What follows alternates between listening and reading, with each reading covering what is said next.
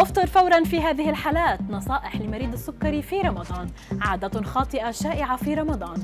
ليالي الصيف الحارة ترفع معدل وفيات الرجال بنوبات قلبية.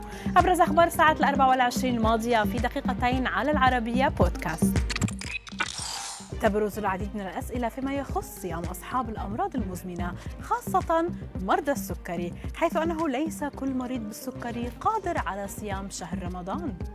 يوصي أصحاب هذه الأمراض بزيارة الطبيب قبل من ست إلى ثمانية أسابيع من شهر رمضان لفهم المخاطر التي قد تتعرضوا لها أثناء الصيام.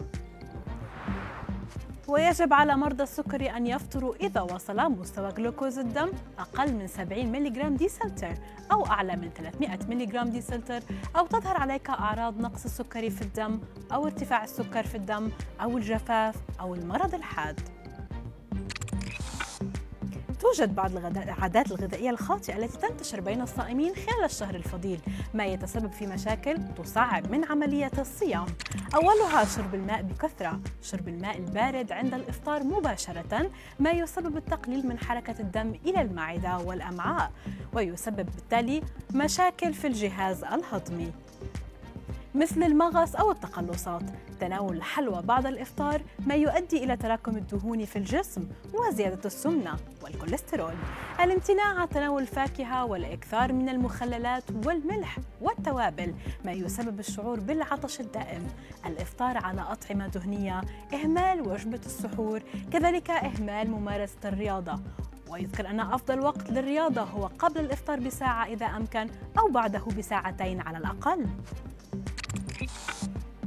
كشفت نتائج دراسة جديدة أن مجرد ارتفاع طفيف في درجة الحرارة ليلا في فصل الصيف يزيد من مخاطر الوفاة المرتبطة بالقلب للرجال في الستينات من العمر وفقا لما نشره موقع ويب فقد وجد الباحثون من معهد العلوم الطبية بكلية الطب بجامعة تورونتو أن هناك ارتباطا بين ارتفاع درجة مئوية واحدة في حرارة الجو المعتادة ليلا في الصيف بزيادة قدرها 3.1% في خطر الوفاة المرتبطة بالقلب بين الرجال الذين تتراوح أعمارهم بين الستين و 64 عاما وذكر الباحثون أن الأمر مقلق لأن المناطق المكتظة بالسكان شهدت ارتفاعا في الليالي صيفا في السنوات الأخيرة.